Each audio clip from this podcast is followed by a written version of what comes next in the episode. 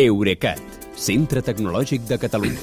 Innovant amb les empreses. Innovant amb tu. Albert Cuesta, que t'hem sentit estossegar, avui va de salut, precisament això, per tant, més oportú impossible. Estàs bé, eh? Estic bé, gràcies. Molt bé, doncs molt bona nit, Albert. Bona nit, Kilian. Triatge de pacients amb intel·ligència artificial i un uh -huh. exoesquelet parcial per evitar la cadira de rodes. Dues novetats del Congrés d'Innovació Sanitària que s'ha fet avui i que tu has anat a veure com anava a Barcelona. Uh, sí, uh, aplicar la intel·ligència artificial és una de les grans tendències de tota la indústria de la salut que, com s'ha vist avui al Health Revolution Congress, que s'ha fet a Barcelona per el tema, el nom és en anglès, uh, és un sector que es troba en plena transformació digital.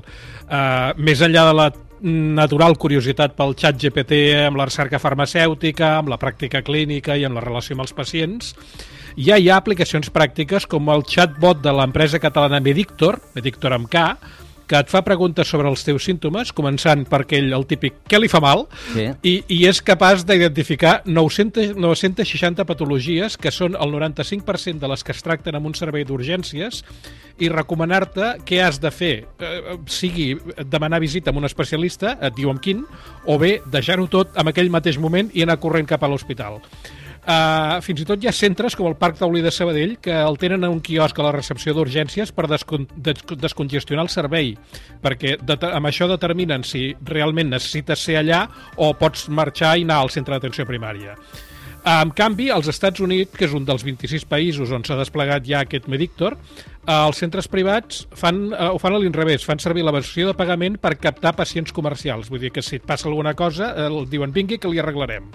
Uh, els oients que ho vulguin puguin, poden provar aquest Medictor de Frank a la seva web i jo ho he fet avui i trobo molt més fiable que consultar el doctor Google. Una altra tendència és allò que dèiem, la tecnologia per atenció domiciliària. D'això també n'he vist al Health Revolution Congress. Uh, Robopedics, que és una altra empresa d'aquí, té una cosa que es diu Awake, que és un exoesquelet que mobilitza no tot el cos, sinó només la cadera i la cama que estan afectades d'un pacient uh, hemiplègic que s'està recuperant d'un ictus i amb això es pot aixecar de la cadira de rodes. La gràcia és que aquest exoesquelet parcial costa un 80% menys que un de cos sencer. A més dels algoritmes i de l'atenció domiciliària, eh, altres grans temes d'aquest congrés han sigut el monitoratge de pacients a distància, la interoperabilitat de les dades mèdiques i la telemedicina. De fet, segons el Barcelona Health Hub, que és qui organitza l'esdeveniment, i la Cambra de Comerç de Barcelona, si es despleguessin les teleconsultes de manera generalitzada a Catalunya, el sector públic i la societat estalviarien més de 450 milions d'euros. I això no és res comparat amb els 3.000 milions anuals d'estalvi que el mateix estudi calcula eh, amb l'adopció de la intel·ligència artificial a la sanitat pública, que a més eh, alliberaria 30 milions d'hores de feina a l'any, que això són 8.300 professionals a jornada completa que podrien fer altres coses de les que fan ara, i també, sobretot, de salvar unes 6.700 vides més cada any.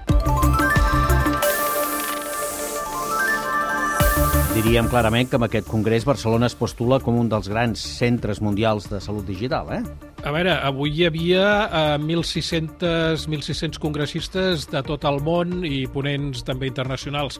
És que la majoria de les grans farmacèutiques i moltes companyies d'assegurances de l'Estat tenen la seva a Catalunya i per això té sentit que fa 4 anys també obrís el recinte modernista de l'Hospital de Sant Pau el que s'anomena Barcelona Health Hub, que agrupa 60 corporacions, 70 hospitals i universitats del país i 260 empreses incipients d'aquestes que estan centrades en la salut. Ara en mencionàvem dues, però n'hi ha més. No?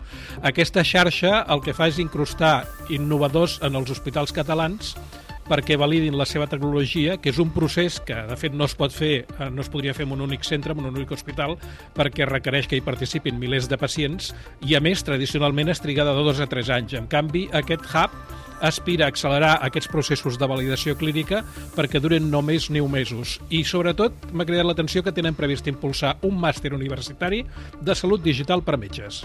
Molt interessant. Albert, moltes gràcies. Salut. gràcies, igualment. Bona nit, Kilian. Fins demà. Eurecat, centre tecnològic de Catalunya. Innovant amb les empreses. Innovant amb tu.